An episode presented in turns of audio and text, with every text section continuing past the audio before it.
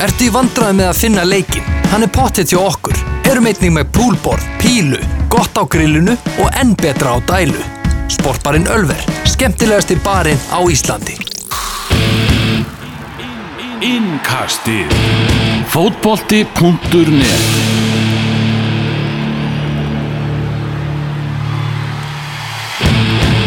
Já, komið þið sæl og blessuð og velkomin í Evrópu innkastið, það er komin 10. apríl, það er vor í lofti, er líka vor í lofti í uh, Vestmannlegum, það er spurningin, Daniel ég sé hérna hinum með við hafið, þú ert með múminálfa bolla. Það er hárrétt hjá ekkert minn, það er hárrétt Við eigum nokkra, ég vil leifa Við hefum fengið svona gafir og gefið korti öðru og svona krútlega skemmtilegt, gaman að því Já, ok, já, bara förum ekki meira í múminálfuna. Förum í fótbolta.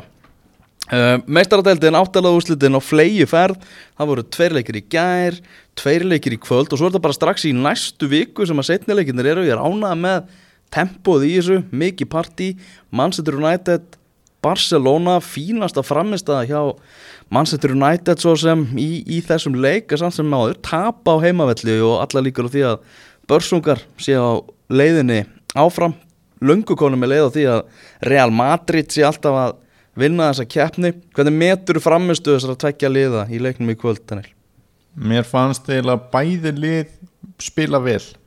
Já, eða sem sagt bæði lið svona mega vel við una. Þetta höfum við séð meiri flugveldarsýningu á Barcelona heldur við sáum í kvöld og þá var svolítið út af vartanleiku United var viðunandi og United svona náði að koma leiknum í jafnvægi eftir náttúrulega bröðsátt á byrjun og Barcelona stendur náttúrulega rosalega vel að víi eftir að hafa unni 1-0 á útivelli. Eh, þetta einvíi er opið. Möguleika United eru ekki neitt rosalega miklir en þau eru sannlega til staðar. Og þessi leikur hefði þessu náttúrulega geta farið út í e, stærri sigur hjá Barcelona einhverju leiti og svo hefði United líka náttúrulega kannski einhver tíman hitt á markið. Þeir voru Já. lítið í því kvöld. Þannig að meðan stela svona bæði lið já, vel, þetta var skrítin leikur hann var oft á tíðum svolítið hægur. Þannig að já, þetta var svona bæði lið geta verið nokkuð sátt. Þáttur að Barcelona hafa ekki sínt sína bestu hliðar í leiknum í kvöld. Er þetta sigurstranglegasta lið meistaradeildarinnar? já, það er svo les ég er algjörlega því. Þeir eru líklegastir til þess að vinna. Takk fyrir, góða nótt. Já, nákvæmlega, það er, ég er algjörlega saman því. Uh, Leikmaður sem var bara einn allra besti maður vallar en Scott McTominay, hann var drullu góður. Já, þinn maður, þú ert svona á tóminni vagninum, hann er fámennur, góðmennur en þú Já. ert þar á bara flautunni. Þetta var bara, hann getur verið drjúur þessi strákur en einhvern veginn svömi leikir hendunum ekki, við getum orðað að þannig. Talandum leikur sem að hendar ekki leikmunum Fred og Asli Jóng þeir henduðu ekki þessu leikið að mannstjónu Nei, Það er einmitt spurning úr sal hérna? Ah. sem frá uh, hlustanda og hann spyr bara já, einfallega, uh, hvena missir Asle Jóng sæti sitt í byrjunulegu Manchester United og af hverju fór hann ekki út af í stað Dalot, Diego Dalot, vinnar okkar varandi þá spurningu þá er ég bara svolítið sammála. Það hefur alveg mátt hafa Dalot frekar inn og taka bara áhættuna því að hann hefur heldur meira liðinu að gefa heldur en Asli Jóng hvenar að missi sæti sitt það verður eftir síðasta leikmannstjónu þetta þessu tímabili. Hann er farin í sömar, segir Daniel Geir Moritz. Ja, og allavega þú veist missi sæti sitt í byrjunarleginu Já, verður bara eitthvað svona klappstýra í klefanum á næsta tímabili í, í besta falli ef hann verður áfram. Já. það er náttúrulega spurning hvort að hann fari heim. Veistu hvert hans heim er, það er Watford Já, það er Votford okkar menn, nánar að þeim hérna setna í þessum þætti. Uh, eitt sem ég fannst svona spennandi að fylgjast með og, og ég veit að breskir kollega mínir í stúkunni voru mikið að fylgjast með, það var hvernig viðtökur Philip Coutinho myndi fá á Old Trafford, þar sem er svolítið verið að orða hann við Manchester United, en hafa bara baulað á hann. Það er það stert að hann er fyrir um leikmaður Liverpool, að menn var ekkert að taka honum allt opn, opnum örmum og reyna, reyna að selja honum eitthvað að, að, að hann væri velkomin á Old Trafford í sumar. Það er fróðalt að sjá samt, heldur að sé raunhæft að Manchester United kaupi Coutinho. Mm, já, já, það er alveg raunhæft en ef að United ætla sér að eyða fullt af peningum í einhvern leikmann fara þá, reyna þeir þá ekki að fara einhver aðra leið heldur en í Coutinho þetta verður ógæðslega erfiður sumargluggi sem er framöndan fyrir Manchester United. Þetta Já. er bara úrslita gluggi fyrir Manchester United og Ole Gunnar Solskjær og það sem að gerir leikin ennþá erfiðari er að við erum að fara í Daniel, nú erum við jafnaldrar. Já, við erum að fara í sko, mest spennandi sumaglugga frá því að við byrjuðum að fylgjast með fótbolta. Ég ætla bara að fullir það. Ok. Það eru hreinsanir framundan hjá, sem er búið að vera að bóða hjá Real Madrid og Bayern München, það talaði um að Barcelona ætla, ætla að vera upplýðir og svo eru náttúrulega, þú veist, hinnir stóru strákarnir eru allir að fara að tína inn einhverja líka. Þannig að það verða rosalega margir um þessa bita sem eru mögulegir á markanum, sko, svo er náttúrulega geta að vera að menn sé að ta- taka frá hver öðrum, sko. Já, algjörlega, það var líka forhundilegt bara með liðið eins og Liverpool sem hefur núna tekið þátt í alvöru leikmann á kaupum og farið í uppæðir sem við náttúrulega sáum ekkert áður. Liverpool hefur verið að kaupa dýrt og þeim peringum hefur verið ansi vel varið þannig að það er spurning hvað er til á bankabókinni eftir svona gott tímabil saman hvað Liverpool stendur uppi með marga titla. Svo dæmis er tekið en þá er nú fínt elvar að halda bara með Arsenal geta halla sér í stólnum og þurfi ekki að hafa áhugir á einu eða neinu í þessu því að við, við erum vottar á jólunum og við tökum ekki þátt Nei, Þeir eru ekki að fara að vera með, það er sumafrí á stundismenn Arsenal bara. Já, já. Þeir verða ekki mikið í Powerade slúðupakkanum Nei, ég hef ekki miklu að trúa því. Maður náttúrulega vonar. Það eru stöður sem þarf að stoppa upp í en hérna, það er eitthvað sem að segja mér að svo verði ekki gert. Ég er með nokkra punkta hérna til viðbótar. Það blætti náttúrulega úr nösunum á Messi. Hann var bara, hvað nefbrotin sagði það ekki? Já, Chris Smalling fer hérna grottaralega í hann með á undan sér og svo einhvern veginn sveiflar hann höndinni og hittir svona beint á trínið á Messi og hann hlýtur að hafa nefbrotna með að við hvað gerist þarna Mhm. í framhaldinu, hvernig fossar úr honum og hvar blæðir líka framan á nefinu og mér fannst þetta að hafa áhrif á leik Messi í kvöld, eðlilega Mhm. en, en bara eins og við sögum á þá er samt Barcelona með Pálmann í höndunum eftir hennan leik en það, það leðir þetta að sjá svona. Já, það er alveg, alveg hárétt en sönnum þess að, að Messi sé mannlegur það er þess að blóðnasir sem að voru þarna hjá honum. Já, uh, Það eru líka stóra fréttir. Sergio Busquets hann er síbrótamaður hann hefði getað fengið nokkur gulur spjöldin þessu leik og það fer stundum í taugarnar á mér þegar ma- það eru svona brot eins og hann tók á McTominay bara eftir tvær mínútur eða eitthvað sem hefði verið guldspjald eða hefði verið tíu mínútur liðnar að leiknum. Þetta var náttúrulega ekkert annað en bara skólabókadæmi um guldspjald og þarna átti bara ítalski dómarinn að leggja línutnar bara og, og lifta upp ámenningunni sko. Þetta er bara eins og ég færi hérna með herjólu upp í landiðahöf sem er neitt ekki hægt núna en ef, ef að það væri hægt, ef að það væri hægt. Og ég var að fara að keira til Reykjavíkur það væri ekki hægt að taka mig frá ofræðan, akstur fyrir en ég komin upp á þjóðveg. Þú veist, þetta er bara einhvern veginn fáralegt að það skul ekki sömu reglu gilda bara í upphafi leiks. Ég meina ef þú kemur með einhverja tveggjafóta ruggtæklingu þá áttu bara að geta að fengið raukt spjaldi eftir tíu sekundur sko. Já, já. Og sama með gula spjaldi þarna. Busquets hefði alltaf átt að fá gult spjaldi í byrjun. Og Busquets hann elskar að spila á línunni hann elskar það ekki bara hann er bestur í heimi í því. Mm Hann dansar vel á línunni. Já, já, ég held að séu fáir sem hafa dansað meira á þessari línu veist, hann, ég- mér finnst hann ekki beint eitthvað svona grófur, grófur leikmaður þannig.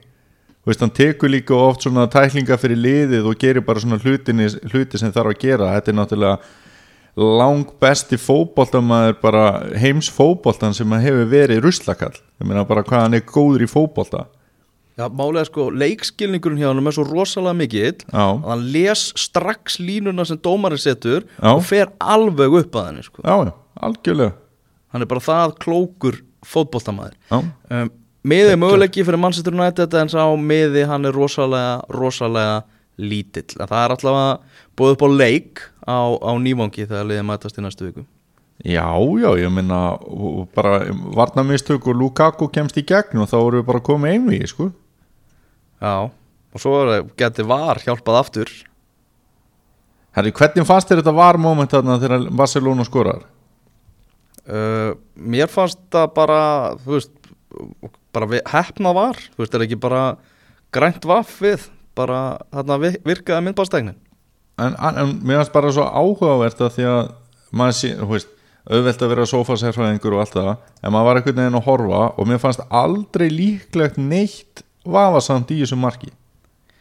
Já, svo sér maður sko endursýninguna og þá fattar maður að mögulega var að vera blokkera sjónarhóttnið hjá aðstofadómaranum ok, það hann já, þá hann svona hugsa maður ok, þarna er möguleiki þegar, þegar hann Suárez var næstur honum í línunni. Já og að- hann sá ekki neitt Manchester United mann fyrir honum sko. Þá er ég með aðra spurningu fyrir þig.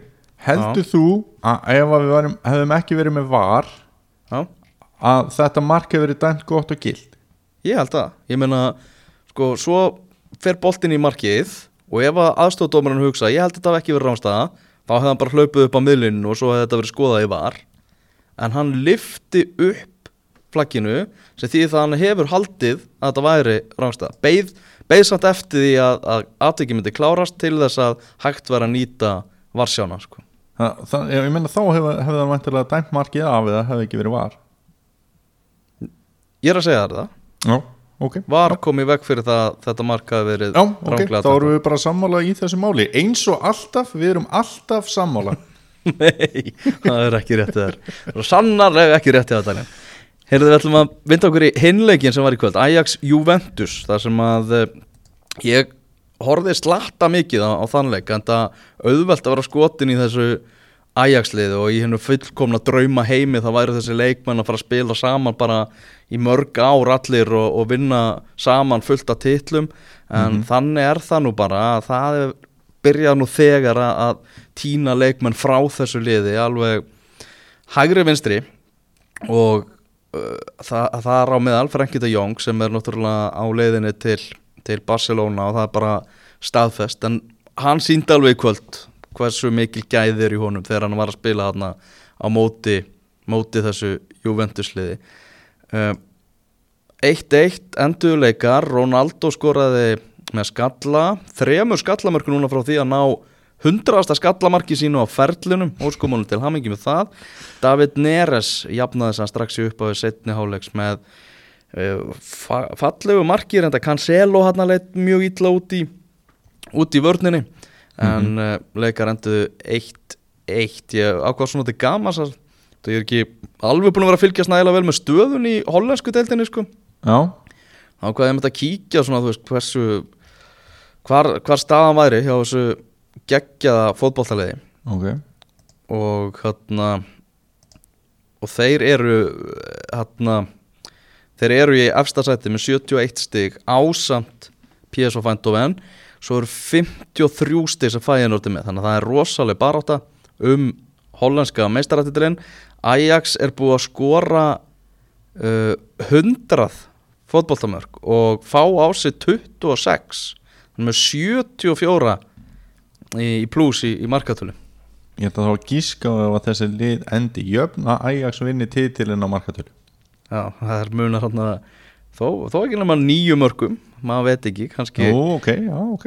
Það kemur reyndur á það sýnir kannski sitt samt um svona, já þess að hollensku deild það er gríðalegu munur á, á bestu og, og, vestu liðunum í þessari deild. Aðeins með Frankie de Jong Hvert sér þú hann leysa af hólmi í þessu Barcelona lið? Uh, hvað ég hann? Leysa af holmi Já, og veist, er, hann er væntalega bara að fara að koma þarna til þess að vera stór hluti og, og já, bara byrjunarlismæður, það ekki? Jú, ég hérna ég er hann ekki hugsaður bara svona sem uh, Rakitic? Já, en það ekki, þú veist, svona aðeins fara að hægast á, á, á króðanum það er mitt það, það er svona, ég myndi held, svona helst halda að hann sé að fara að taka hans sæti í klefanum sko. sem er eins góður og menn verða aldrei gleyma því, en ég held að Já. það sé hár rétt hjá þér að, að þetta gæti verið það sem að þeir eru að spökuleira hvort sem að hann komi endilega alveg inn í byrjunarlið á næsta tímabili eða tímabilinu á eftir, ég meina það liggur ekkit á Nei, og Barcelona er að fara að spila skriljón leiki á næsta tímabili í öllum keppnum sko. þannig að það er fullt af mínútum sem, að, sem í bóði eru þetta verður, já, fróðlegur leikur sem verður í tórin og setni leikurinn í, í næstu viku, kíkum aðeins á leikina sem voru í gær þar sem að Liverpool er með 2-0 sigur á móti Porto. Núna er það þannig að Firmino er eh, búin að vera magnaður í, í meistaradeildinni. Það er aðeins Ronaldo sem er búin að koma að fleiri mörgum með beinum hætti á þessu tímabili. Fleiri góða fréttir fyrir Liverpool að Nabi Keita sem að hefur verið náttúrulega óstöður í vetur, hann er búin að vera núna að stígu upp, flottur í síðustu leikjum. Gómez er mætt, mættur aftur, það er, það er fín breytt hjá það fín breytt hjá, hjá En þú varst með könnun, Kon, könnunar Moritz. Hvað varst að bjóða upp á, Twitter? Ég var einfallega að spyrja hver besta miðja Liverpool á vera og við höldum áfram að spá í leikmenn sem gætu verið að koma meira inn í þetta. Að, að gætu verið, Lö- Löfren var í byrjunarliðin í gær þegar það var svolítið sakna hans og Matip hefur verið að spila Löfren er betri en Matip.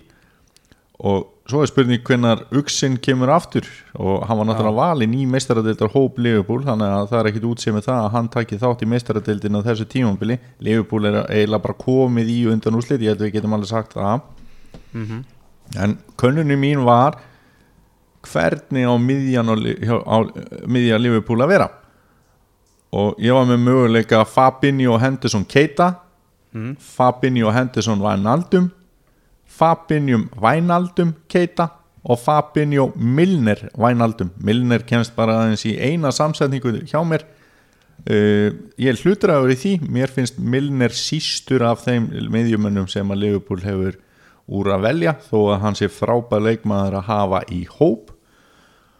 Og miðja sem að við höfum bara lítið sem ekkert séð Fabinho Wijnaldum Keita er það sem að kjósendur kusu oftast eða 40% þar á eftir kemur Fabinho Henderson Wijnaldum sem er miðja sem við höfum oft en miðjan sem að var í gær var Fabinho Henderson og Keita fekk 20% þannig að já, það væri mjög forunlegt að sjá Fabinho Wijnaldum Keita. Og miðjan sem ég myndi velja er miðjan sem var í gær Fabinho Henderson og Keita. Mm. Fabinho fyrstur á blað Fabinho er besti miðjum að Liverpool. Ég er sammálaður því. Búið að manstu þegar við vorum að dæma kaupin í desember, Já. vorum að dæma kaupin. Herðu Fabinho er búin að fara úr því að vera lélugustu kaupin í þau bestu. Já, það er bara svo leiðis í að vera bestu kupin já, á, á, ok, ok ég meina hann Ok. er bara búin að lifta miðjaspil í Liverpool og bara spili Liverpool upp á næsta level. Já, þetta er hérna svona, þessi niðurstaða könnunarinnar hjá þér svona líka sannar það enn og aftur að fótbolti snýst um það hvað hefur verið gert fyrir mig nýlega. Því að hefði þessi könnu verið gert fyrir viku síðan þá held ég að hefði verið bara talsvert ólík niðurstaða. Já þá varum við ekki að sjá Keita koma svona sterkan inn sem er búin að vera góður í síðustu tjónuleiki Liverpool. Já, það er þannig sko. Uh, Liverpool miklu betra lið heldur en Porto. Tottenham vinnur 1-0 sigur á móti Manchester City á þessum svaðalega leikvangi sem að þeir eru loksins komnir á strákanir þetta er sko, ég fæ eiginlega bara gæsa út við að sjá myndina á þessum velli og ég er búin að ákveða það að ég ætla á, á hann leikvanga á næsta tímabili. Biggi Ólafs formaður Tottenham klúpsins ég var ræða við hann og hann sagði mér það er hópferð hjá Tottenham klúpnum hérna, næsta, næsta haust þú kemur með í hana og ég bara, heyrðu, ég ætla að slást í hópin henda allir tóttinamenn sem að ég þekki alveg einstaklega skemmtilegi menn. Ég var alveg að bjóða þér Daniel svo myndi ég eftir því að þú ert náttúrulega Arsenal maður og það er ekki fræðilegur að þú sért að fara með Tottenham klúbnum í þessa ferð en ég ætla að finna einhvern annan góðan, góðan félaga með í ferðina. Meðan þú varst að tala þá og, þú heyrðir ekki þegar ég sagði skaut inn í þú varst að tala um að allir tóttinamenn sem þú þekkir væri skemmtilegir þá segi ég nema hjammi, einmitt.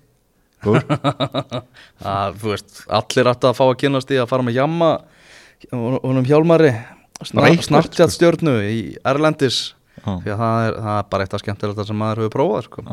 Og ég, ég vil bara nota tækifæri og óska stuðnismunum tóttinam til hamingju með völlin það er liftistöng fyrir félagi að fá svona flottan völl, maður þekki það sjálfur halda með liði sem fær nýjan klæsina völl. Og bara bestu kveðjur með það. Gangi ykkur samt sem verst í baráttunum fjóraðsæti Tottenham vann þennan leikum út í sitt í 1-0 bara frábær sigur á Tottenham. Það er átt verið að sitt í svo ég ennþá sigur strangleira liðið í þessu eimi. Ætla ég nú bara lega mér að, fulllir það Son með markið 5 af síðustu 6 mörgum þau hafa kom frá honum þar að segja hafa komið þegar, ek, þegar Harry Kane er ekki á vellinum. Og uh, Svon þarf að halda uppdegnum hætti í þessu því að Kane er meittur og ökla og óttast að hann spili ekki meira á tímabilinu, hvorki meira í minna. Og það er skarð fyrir skildi fyrir tóttina með að þeir verð ekki með Harry Kane. Þráttur að við gengið vel í hans fjárfuru síðast þá ætla ég að efast um það að það mun ganga jafnvel í svona annari törn án þessa sóknamann sem er bara einn ein besta nýjan í, í Evrópi bóltan Það er alveg satt og og það er bara leiðilegt þegar bestu liðin get ekki nota bestu leikmennina. Eða bara öll lið get ekki nota sína bestu leikmenn. Það gerir alltaf fótboltan skemmtilegri þegar það er hægt að nálgast leikin með það sem þú hefur í þínu vopna búri. Og e, svolítið leiðilegt líka fyrir mig því ég keifti Harry Kane í Fantasy í gær. Æjæj Ég ákvaða svona sæta lægi og skipulegja mig núna aðeins snemma því ég var svo pyrraður með gegn íllaði síðustu umferð sko. Þannig ég gerði mikla breytingar, tók áhættu, áhættu Moritz, ég er hérna í baráttunum að vinna í Ísland og þetta var ekki til að hjálpa sko. Nei, talandi um að við viljum að bestu liðin sem er bestu mennina. Bernardo Silva var náttúrulega ekki með Manchester City í þessum leik. Eh, Portugal er búin að vera svona óvænt eitt mikilvægsti leikmaður City á, á þessu tímabili. Já, óvænt mjög gott orð því að hérna, maður sá kannski ekki stefnaði þetta eftir síðasta tímabil þó að hann hafi aldrei verið eitthvað umulur það er ekki, að bara af og frá hægt að segja það en að hann hafi verið svona virkilega drjúur eins og hann er búin að vera á þessu tímabili var ekki alveg skrifað í skíin eftir síðasta tímabil. Og hann er náttúrulega bara búin að vera ótrúlega frábær og hann verið væntarlega á fullri ferði í sittnileiknu því að þá þurfa þær allar sína bestu kalla og sitt bestu byrjunarlið og Bernardo Silva er í því byrjunarlið það er klárt, það er staðfest.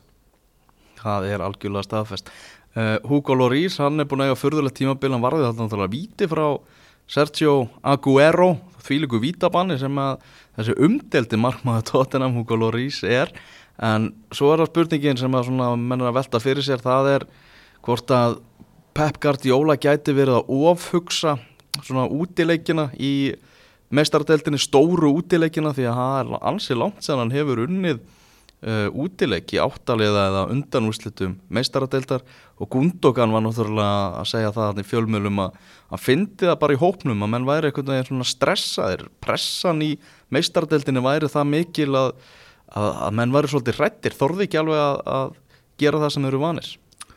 Ég held að við getum sagt það að Pep Guardiola sé eitt klókasti knatsmyndinstjóri heims. Já, bara eitt besti knastmyndustjóri sugunar Já, og oft hefur manni kannski fundist eins og hann ætla að vera of klókur í einhver verkefni í staðan fyrir að fara bara og, og hlaupa meira en hitlið og berjast einhvern veginn almennlega í þessu taka þetta svona, já vinna ljótt. Mm -hmm. og að þeir voru bara undir í baráttunni í gær. En eru einhverja síður líklæra liði til þess að fara áfram þráttur þetta tap í gæra mínu mati? Já, uh, var erum, þetta er ekki fyrsta sinn í þessu uh, podcasti sem uh, bara í þessari upptöku sem við Mhm. minnumst á var. Uh, fyndið svona þegar það var fyrst að tala, verið að tala um þetta þeir sem voru mótfallnir þessu voru mikið að tala um að það myndi eigða umræðum fótbolta að svona geti ekki rætt um vavaatriðin og, og allt hannig við höfum alltaf lært það að svo er ekki raunin með var því að var er bara frekar að fjölga deiluefnum og, og umræðum á, á kaffistofunum uh, þetta er þetta er, þetta er stór furðulegt þetta dómararnir er ekki sjálfu vissur um það hvort þeir eiga að dæma hendi eða ekki hendi og sama þráttur er sig að skoða þetta aftur og aftur þá finnst ekkert samræmi í þeim dómi bara sem dæmi Nei, nei. Það er alveg og í fleiri aðtökum, líka bara tæklingum og, og einhverju sko. Já, já, það er alveg satt og, og hérna bara í öxlu og eitthvað og dómgæsla getur verið svo huglæg og þá átti náttúrulega að reyna að taka það svolítið út taka svolítið pressuna af einu manni að það séu nokkri saman sem að taka þá hári þetta ákvörðin í einhverju búri. Uh, svo sittum maður spurningamerki við hvert hlutverk var á að vera þá var náttúrulega frekar ljóta atvikið leiknum í gær þar sem að Fernandinho barði Harry Kane bara í hausinn. Já, og, og gerist segur þarna um fautaskap og, og eitthvað svona sem við viljum kannski ekki sjá á vellinum og eitthvað sem við erum ekkit vanir að sjá Fernandinho gera, maður er áttu auðvelt með að hrífast að hans leikstil því að hann alltaf er bara drengu góður en þarna missir hann hausinn og nýtir sér það einhvern veginn að standa svona yfir Kane og lemur í hann. Og fyrir mína parta þá stundu talað um að ofbeldisfull hegðun sé alltaf þryggja leikja bann og svo er eitthvað svona smá misræmi á því. En fyrir mér þá er þryggjarleikja bann ekki kannski alveg málið í þessu tilfelli. En mér finnst að Fernandinho ætti ekki að spila næsta leik, hann ætti að fá eitt leik í bann fyrir þessa hegðun. Þetta á ekki skilt við fótbolta þó að þetta sé ekki að grófast sem við höfum séð. Þá var þetta gáleysi, heimskulögt og er skuldabann Svo við lókum þessari varumræðin þá hérna góðu punktur, virkilega góðu punktur hjá Vertongen þar sem var að tala um að uh, svona að vítaspiltum ættu örugglega eftir að fjölga um svona 20 til 40 bara í ansku úrvalstildinni þegar þetta verður tekið upp þar frá með næsta tí, uh, tímabili. Uh, og svona var að tala um þegar að vera að skoða einhver atvik í tegnum þegar þetta er skoðað í einhverju svona super slow-mo þá er miklu einhvern veginn auðveldar að finna eitthvað, heyrðu, hann aðeins hérna aðeins tógar hérna þú veist, rátt verið að anstæðingurinn eigi ekkert að þú veist, detta niður að á að hafa neina áhrif þá það er svona auðveldar að fattaru og ég vona að hlustendur fatti að, að finna eitthvað lítil atrið sem að líta verð út þegar, þegar þetta spilað verulega hægt. Já og ef við sýtum þessa pælingu bara í annan búning að þá er færtóngin í raun og verið að segja að Luka Miljójevits verði markakongur í ennsku úrvarsatildinni á næsta tímanbili Já, og, hana, og Saha muni fá urmul af vítarspilum Já, og verður svona, menn fá skráða stóðsendingu ef við fiska víti gjarnan og þá er aldrei að vita nema hann verður stóðsendingu á kókur.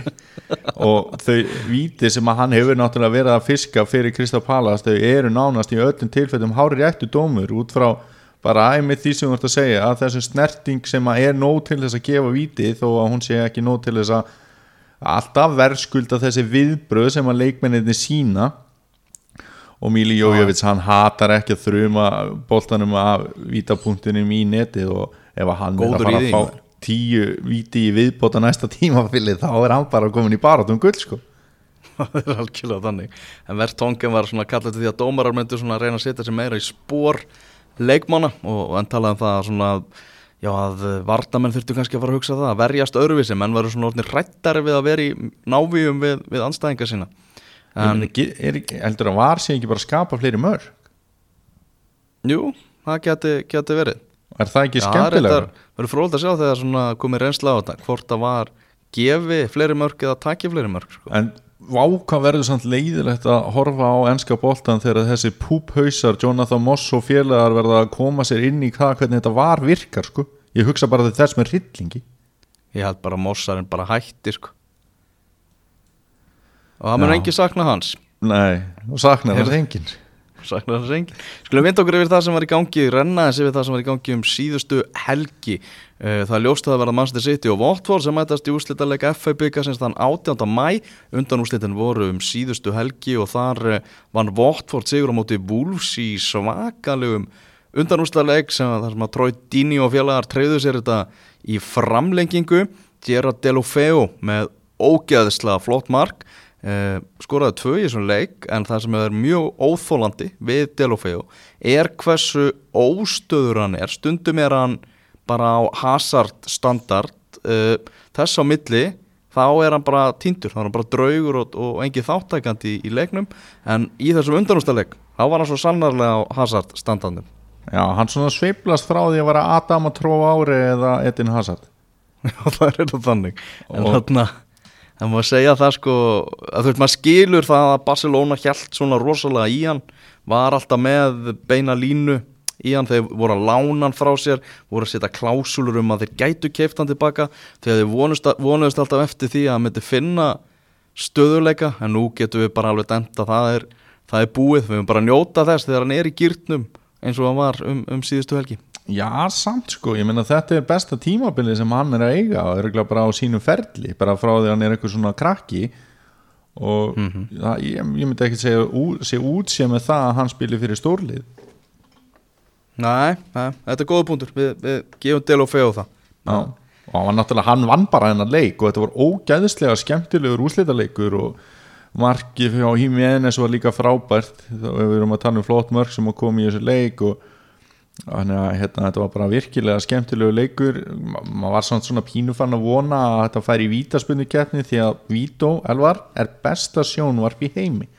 Á þeir sem hafa engan á íþróttum þeir geta að horta á, á vítaspunni Já, já, og það er bara áþreifaleg spenna á öllum köllunum sem taka þátt í vítaspunni keppni en markið á Delofeo sem að skóp þennan sigur eða var reði úrslitum það náttúrulega hérna, var líka mjög, mjög fínt mark vel gert hjá honum þó að hérna, það hafi verið ljótara markið hans í leiknu því að hitt var bara eitthvað algjört gull mark sko.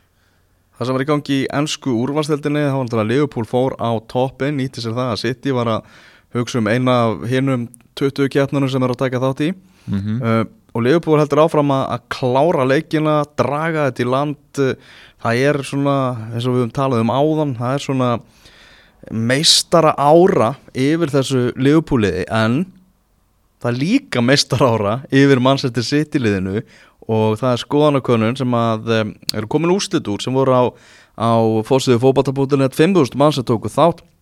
Fortliði verður englandsmeistari 46% segja Liverpool 54% segja Manchester City. Gefur þetta ekki bara svona raunsaga mynd af, af stöðumála Jú, ég myndi segja það. Þetta er bara eðlilega niðurstöður og Manchester City er svona skrefin á undan og Liverpool er alveg honni í hálsmálun á þeim.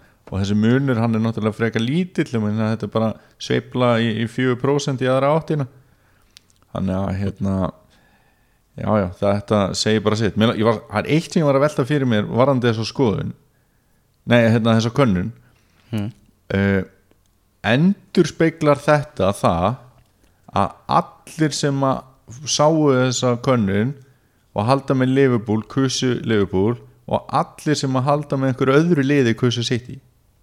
Nei, ég, ég trúi á fólkið, ég trúi á lesendur að þarna voru þeir að kjósa þetta samfæringu Já, ég var bara að meina hérna, bara út frá því hvað eru ógæðslega margir sem að halda með Liverpool Það eru rosalega margir sem halda með, og, hérna, Liverpool. Klúburinn líka hann er bara eitthvað sem allir klúbar geta tekið sér til fyrirmynda, Liverpool klúburinn í Íslandi en að nýja afstæðan ársátti það sem að Patrik Bergjum og Vladimir Smíser voru mættir þarna sem gestir eru alltaf með flotta gesti. Mannstu ykkur var gestur í fyrra? Jú, Jamie Carragher sem að undirritaði tók viðtal við á minni frábæri ensku. Já, margrúmuð, en sko margrómuð ensku þannig að hérna, það hlýtur að vera gaman að vera í Liverpool klubnum í dag. Þeir hafa full til, fulla ástæði til þess að skemmta sig konunglega. Liverpool er komið með stórkostlega gott fótboltalið og, og það er svona mikil svona mikil liðseild og stemming og, og náttúrulega Jörgen Klopparna og allt það. En uh, svona ég er að setja þetta í svona svo þetta miskilist ekki sem ég er að segja en samt ekki en sko helsti anstæðingur Manchester City er Manchester City því að það lið er svo ótrúlega gott að ef þeir myndu spila alla leiki bara á deginum sínum og vera alltaf í gýrnum þá myndu þeir vinna alla fótboltaleiki, fattar mig? Já, sérstaklega á Englandi. Já, alla fótboltaleiki á Englandi. Já, já. Þeir myndu bara með fullt hús bara. Ég þeir, að það þur, sé þeir alveg hægt að þurfa segja það sko. að- til að tapa leikjunum að, að, að eiga off-dag sko. Þú ert alveg á því að bara Liverpool á sinn besta leik City á sinn besta leik þessi lið er að mætast, City vinnur. Já, alveg pottetur á því. Ok, já, ég held þessi sammála því. En liðseildin virðist vera betri hjá Liverpool því að munurinn er nánast engin þrátt fyrir að við getum tekið stöðu fyrir stöðu og vali held ég talsvert betra lið þá hjá Manchester City. Ja, ég segi ekki talsvert betra, við getum valið betra lið hjá City ef við tökum stöðu fyrir stöðu já, bara, það er með það sem er að tala. Leikmannaleg gæði liðsins eru meiri aldrei en að Liverpool. Og tala nú ekki um ef við færum í þennan leik og verum með 16 manna hóp. Já, nákvæmlega. Þá verum munur meiri. Já, þráttur að Liverpool sé komið með fína breytt eins og við komum inn á áðan. Já, uh, þú sleppur ekkert við það Daniel, að ræða um Arsenal, aðeins Ég hvað segir ekki- það er svo lélegt samband. Halló, takk fyrir, takk fyrir í kvöld du. Þessi þetta tap gegn Everton þeir voru svo lélegir, það var svo mikil þreita í liðinu. Ég er með spurningu sem ég giskað og getur ekki svarað. Af hverju er Arsenal svona umurlegt á útivöllum? Nei, ég get ekki svarað. Og bara er búin að klóra mér í hausnum yfir þessu endalaust. Ég er hérna, ég er með ótrúlega þykkt og gott hár en ég gæti verið að fara að fá eitthvað reyður eða eitthvað, ég er búin að klóra svo mikið í hausnum yfir þessu Velkomin í hópin og hérna, þetta fer bara ótrúlega í taugarnar á manni en ég meina, svari var náttúrulega einfalt er náttúrulega einfalt við leiknum á sunnudag en bara liði sem hann tefli fram á útivelli Mustafi og, og hérna, El Neni í byrjunarliðinu, það vinnur ekki neitt og Arsenal vann ekki neitt. Og Arsenal var miklu liðlega liði í þessum leik. Og Arsenal átt að tapa stærra. Og það er líka óþólandi að Aubameyang og Lacazette skul ekki byrja alla leiki saman. Já. Þú ert ekki, ekki ánægð með Emery varandi nótkun á þeim? Nei, bara eitt og annað sem að maður er bara jákvæður í- með í garð Emery. En þessi ég skil ekki af hverju byrjunarlið Arsenal er ekki alltaf með Özil, Mkhitaryan Aubameyang fyrir aftan Lacazette. Oppi meðan ekki búin að vera í byrjunlegin í síðustu leikjum segir Emery vegna þess að hann er búin að vera veikur búin að vera eitthvað á síklarlegum en hann vonast þess að hann geti byrjað þegar eh, fyrirleikurinn á móti Napoli í uh, Evrópadeildinni Já, verður en samt sko hérna, þá, þá, þá væri það kannski bara þannig að að- ef Aubameyang er hún heil þá fyrir bara Lacazette á bekkin Já, Þú veist, þetta hefur það- verið stór undarlegt auðvitað á að finna bara út úr því hvernig þeir geta spila saman, allir þessi fjórir. Meina, það er alveg pláslíka í Arsenal-liði bæði með Mkhitaryan og Özil. Eiður Smári og Hasselbank þeir eiga að spila saman. Já, ég meina, það er bara svoleiðis. Ná, það er bara svoleiðis. Þarna óvænt hetja hjá Everton í leiknum. Það er algjörlega, Michael Keane meðist þarna í upphittun og, og, og fyrirliði Everton. Þetta er svona einn af þessu leikmenni sem að fatta kannski ekki alveg að sé fyrirliði liðs, til dæmis fyrirliði Chelsea, það er Gary Cahill. Það er ekki Cesar Aspili Kveta Já. Og við hefum nú líka oft séð Henderson vera á bekknum þó hann sé fyrirliði Liverpool en Fili Akjelka, hann er fyrirliði Everton. Hann nýtti sér, eða var náttúrulega að koma inn í liðið það því að Kín meittist, tekur við bandi skora markið, er frábæri vörd, takk fyrir og góða nótt, hann var bara virkilega flottur í þessu leiku klárlega maður leiksins. Var það svona salt í sárin? Það var svona Já, ég, ég, segi ekki grínkall en svona fyndin hetja hjá Everton. Nei, veistu, ég hef alltaf fílað Jaki Elka. Já, hann var svona lúmst samfagnar honum. Já, bara fyrst að Asina þurfti að eiga svona leika þá hefur maður bara gaman að því að það verði eitthvað ævintýri sem verður til þess að Arsenal tapar og það var sannarlega þarna. Og Já. E, leikjum Jaki Elka á tímabili hefur núna fækka bara jæmt og þétt. Hann tók þátt í færri leikjum í fyrra heldur en árinu þar og undan og hann er búin að taka þátt í mjög fáum deildaleikjum og manni finnst það ekkit vera ljós á síðan að þetta, þetta leik, og það er það ekki að þetta er leikmaður sem var í hópnum í anska landsliðinu. Þannig að hérna bara vel gert í honum að mæta þá svona tilbúin til leiks á móti svona nokkuð sóknar sinni við liði sem Arsenal er þó að þeir hafa ekki fundið taktin í leiknum á sunnudaginn. Skemmtilegt við þennan leika Það var rifið upp hérna uh, gömul og góð fyrirsögn. Það er oft gaman að fara í orðaleiki með ennskuna en það er mjög erfitt með íslenskuna. En Viða Guðjónsson honum, honum tókst það þegar í einhverju gamalli grein í djefaf þannig að náði hérna, að, setja saman Jak er meistarinn eftir eitthvað mikilvægt mark hjá, hjá honum. Jak, vinn okkar, fyrir Jak Já. Þannig að Jagermeistarin, hann hann var í stuði þar, uh, talandi um orðagrín, búið að vera mikið af orðagrínum út af uh, Danny Drinkwater sem að tekið var fyrir ölfunarakstur og hefði átt að drekka eitthvað annað heldur en vatn í, í því tilfelli. Já Þú varst nú Að með hefði eitthvað átt að þar, drekka vatn, segja. Þú varst nú með eitthvað, þú átti svona alveg hönd á plói í þessu orðagríni með drinkwater, hvað var það? Já, hann var ekki flókið, það var bara, var bara að Drinkwater hafi ekki staðið undir nafni sem Já. er óhætt að segja. Þetta er bara, Elvar, þetta er að besta sem hefur komið frá þér og þínum fjölmjöla ferli sko. Ok, þá hefur hann ekki verið ríkja merkilur Afna, Drinkwater, Resokátur Það er nokkuð ljóst held ég að hann sé á förum Sarri hefur enga trú á honum Sérstaklega ekki þegar hann er bara að ölfunar keira gang ég um með, með eina pælingu eða svona spurningu Er Danny Drinkwater mestir lúserinn í meistarliði Lester? Hvað meina þau? Bara meistarliði Lester þú að muna flestir svona hvernig byrjunarliði var þú veist, Morgan og Huth og Fuss og, og, og Simpson Drinkwater og Kante uh, hverjir voru þarna á kvöntunum, Mares og hann þarna Aston Villa strákurinn þarna sem er ennþá Al Albrighton Mm og svo fram í voru Vardy og, og Gasaki ég meina Drinkwater er í lang vestu málunum að þessu gæjum. Já, hann, Sarri boltinn hendar honum ekki og hann er svolítið fórnalamb þess og þú veist, ég veit ekki, ég ætla að giska á það sé ekki auðvelt að vera bara algjör út í kuldanum. Hann er ekki búin að spila neitt frá því sko, samfélagsgildinum sko. Nei, og ég minna að þetta var náttúrulega gali múf þetta var bara gali á Chelsea að fá hann. Ég man eftir því sko að þegar. Drinkwater var hérna keftur það var ég vinnuferð Erlendis með Hauki Harðarsinni á, á Rú og hann er Chelsea stunismæður og þegar ég tilkynnt honum bara, heyrðu haugur, Drinkwater hann er bara mættur. Bara hvernig hann hristi hausinn. Og þetta var bara svona bara, þetta voru vontíðindi þú veist, Chelsea á ekki að kaupa Danny Drinkwater sko. nei, það er bara algjörlega þannig og ég maður skilur hann alveg að hafa stokkið á þetta mm. Sæðlaveski hefur vænt- væntanlega bólnað svolítið út við það að fara til Chelsea og, og ég meina hvað hva, hva á Danny Drinkwater er mikinn sjensi að spila fyrir stórlið, með fullur virðingu fyrir Lester þó að þeir eru meistarar, þá voru þeir ekki stórlið mm frá því að hann fór frá Manchester United þegar hann var þar sem svona ungur maður sko.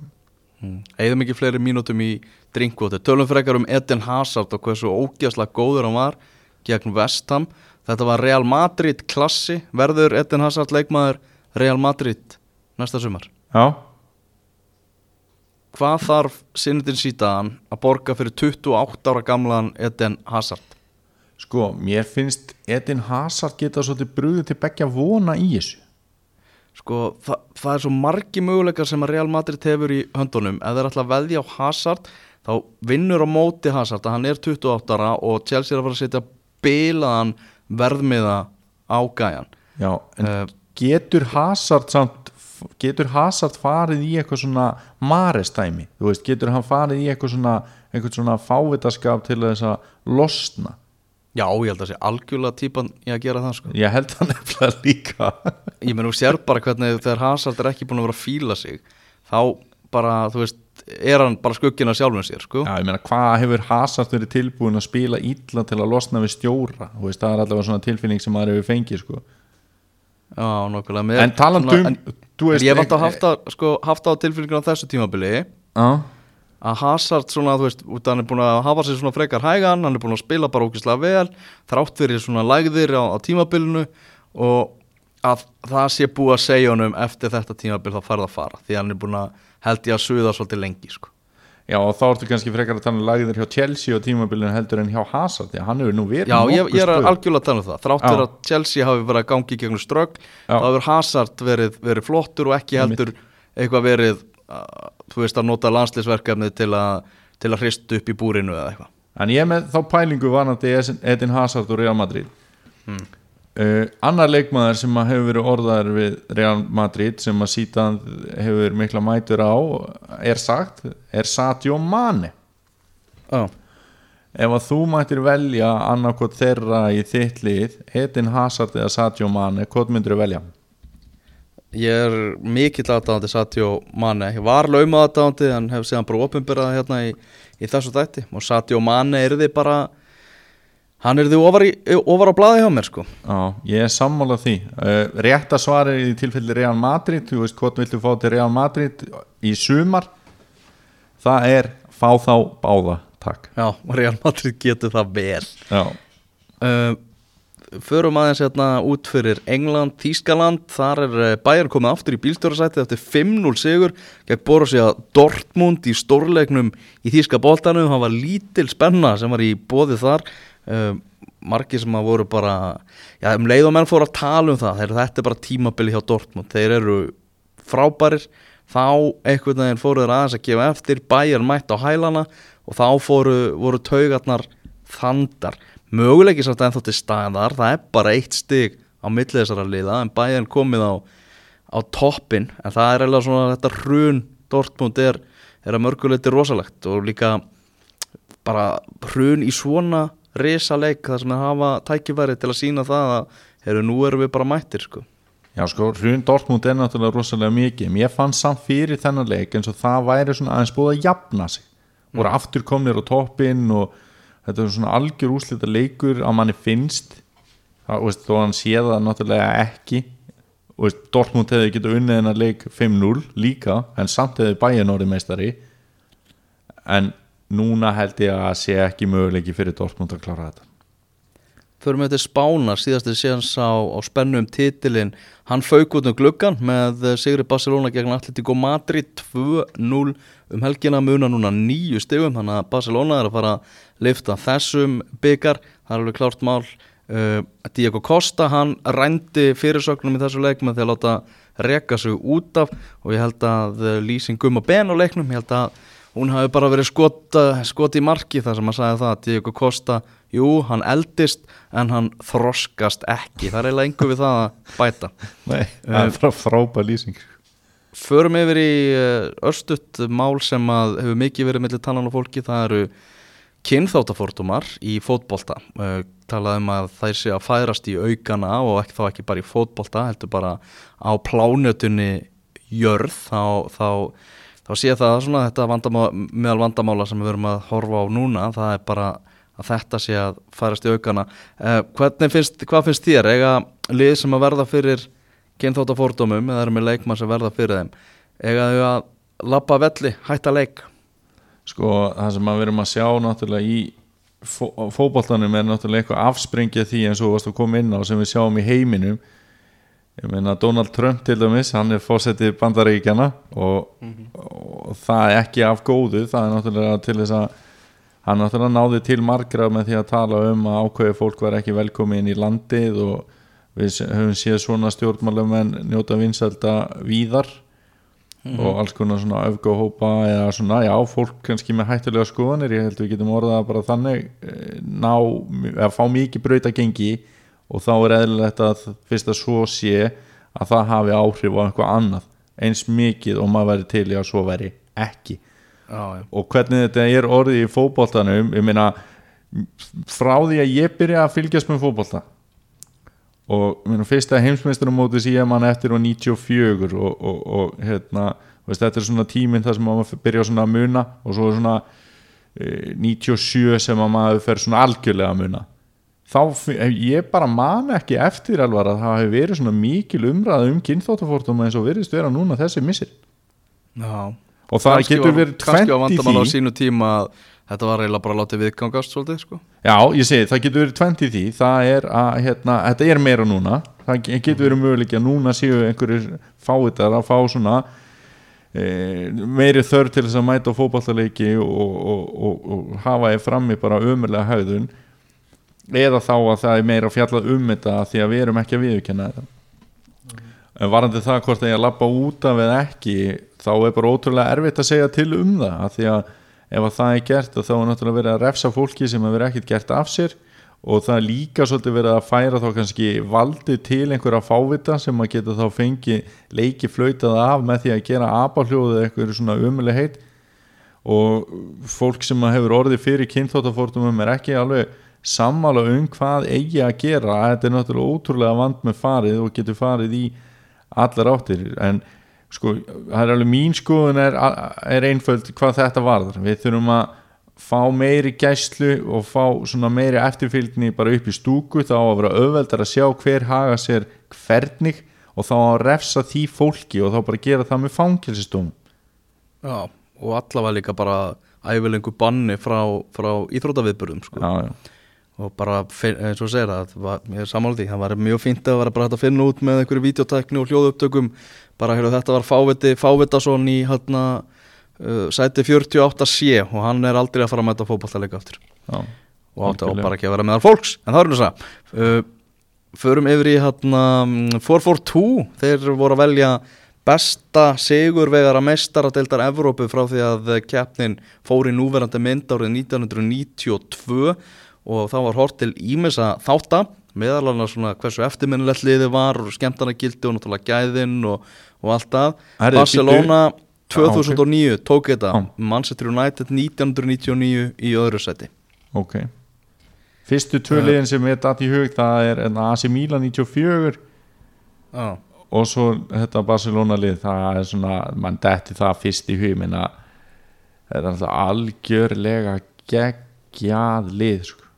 Því líkur fótbolt til að fara upp byrjunarliði hjá þeim sem að kefti úslitaðleika móti Manchester United vann 2-0 Viktor Valdes í markinu, Silvinho og Puyol bakverðir, Piqué og Toure í miðverði. Á miðjunni Döminur og Herrar, Iniesta, Busquets, Xavi og svo sóknarlínan Thierry Henry, Lionel Messi og Samuel Edu Eður Smári, ónótaður varamaður í úslita leiknum en svo sannarlega hluti af þessu liði og maður er einhvern veginn svona alltaf er ekki alveg búin að átta sig á því að Ronaldo, að, að Eður Smári segi hafi verið hluti af þessu liði?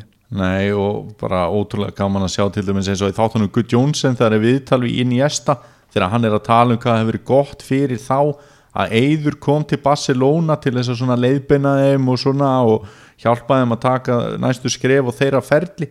Mm veist það er náttúrulega sumir sem hafa litið á er litið niður á það hvernig hérna Eyður Smári stóð sig í Barcelona og það hann byrjaði ekki alla leiki að þetta hafi ekki verið neitt eitthvað merkilegt? Og við vitum nú að það fólk er nú með einhverja svona skrýtna kendir þegar er að tala um, um, um þetta. Og Eidur Smári til dæmis ég held alveg örglega að vera á þessu tímabili hann byrjar El Clasico sem miðjumar en er þetta ekki besta í þessu liði við getum náttúrulega tekið, þú veist að það er Messi bara besti leikmar í heimi og, og, og, og þar fram eftir göttunum er þetta ekki besta miðja sögunar? Jú, bara þarf ekki að ræða þetta er besta miðasögunar Já, þeir vinna allt bæði í, í, í Barcelona og, spánabúningum Uh, eitt hérna geti, geti komið fréttir á morgun um áhugavert verkefni sem að Eidur Smári er að fara í fylgis með fjölmiðlum. Nú, nú, nú. Vindum okkur í spámanstellingarnar Daniel, það er uh, á sunnudaginn er bóðið upp á klukkan 13.05 Crystal Palace, Manchester City og svo 15.30 Liverpool, Chelsea stórleikur helgarinnar, hvernig fara þessi tveir leikir? Crystal Palace 1 Manchester City 2 Liverpool? Liverpool 4 Chelsea 0 4-0 fyrir Liverpool? Já, Uss, uss, uss ég held það, ég held að Liverpool mæti bara þannig að týri villusti leiks og bara alveg með kassan úti á heimavilli á Anfield núna er fólkið, núna alvar er að detta inn fólkið sem að hefur aldrei farið á Anfield og er að fara út af því að Liverpool er að vera meistari og svo verður, er, byrja einhverju tjantar og þetta fólk á svoleiðis eftir að öskra úr sér allt vit og lungu Já, ok, Þannig að ok. ég held að stuðningurinn á Anfield núna það sem eftirlifi móts verði sá besti í einhver ár. Áhugaverð spá það. Uh, Hvaða lið fara með Liverpool og City í meistaradeild Evrópu? Þú varst með Manchester United og Arsenal. Miða við hvernig staðan er núna Viltu breyta spátónum? Nei, ég ætla ekki að breyta þeim og, og, og hérna, mér finnst það eins og auðveldar að halda mig við þá spá eftir meðslinni á Harry Kane og ég held að Arsenal og Manchester United e- muni eiga meira inni heldur en Chelsea. Reyndar ef hann ætlar að fara að nota Loftus Tík og Hudson og Dói meira þá gæti Chelsea náðu þessu. Já, það hann ætlar að fara að gera það. Ég heyrði í honum hljóði Já. um, en ég ætla ekki að breyta. Heyrðu, við ætlum að fara að segja þetta gott Daniel. Ég var að spá í uh, heimaverkefni Sameigilegt heimaverkefni. Við höfum aldrei verið með sameigilegt heimaverkefni og við munum fara að kasta eins boltum á milli og í næsta þætti ætlum við að opinbera úrvalslið tímabilsins í Evrópu. Og löglegar eru bara deildir sem síndar eru í hverri viku í íslensku sjónvarpi. Þar að það er deildir sem við erum að fylgjast með, enska deildin, spænska deildin þíska deildin og svo ítalska. Ok, hljóma vel, hljóma vel. Vi, við, við, við skoðum þetta en segjum ennkastinu loki á þessu sinni, takk fyrir hlustununa